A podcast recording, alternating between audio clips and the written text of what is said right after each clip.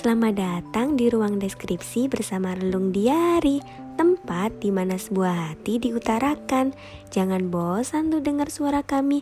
Yuk dengerin suara hati kamu di sini hanya di Spotify.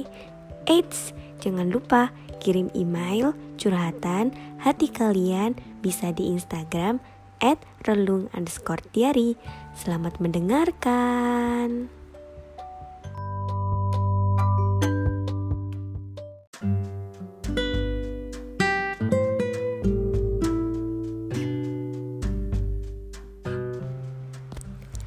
Ritme yang semakin saling bertabrakan dari rute yang berlawanan. Setiap hari harus menghadapi berbagai macam topeng-topeng manusia. Sesekali deh misalnya kalau mau bertemu tuh tanyakan hal-hal yang Are you okay?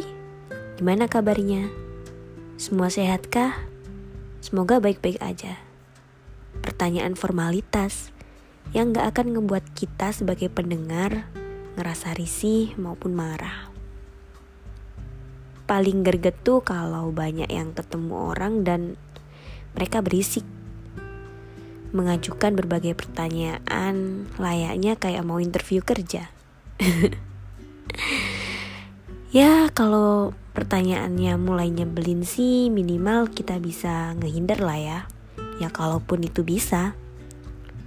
Tapi banyak dari ragam manusia yang kadang juga kayak suka ngatur hidup orang. Layaknya mereka memegang kendali atas hidup kita. Seolah-olah kita hanya wayang yang harus ngikutin jalan cerita yang mereka buat. Silih berganti apa pun yang terjadi pada kita adalah konsumsi dan sorotan. Mau itu penting, nggak penting. Semuanya tuh kayak harus dibahas gitu. Seolah-olah kita artis. Cenderung keputusan yang dibuat harus sesuai. Ya, sesuai dengan pendukung-pendukung opini.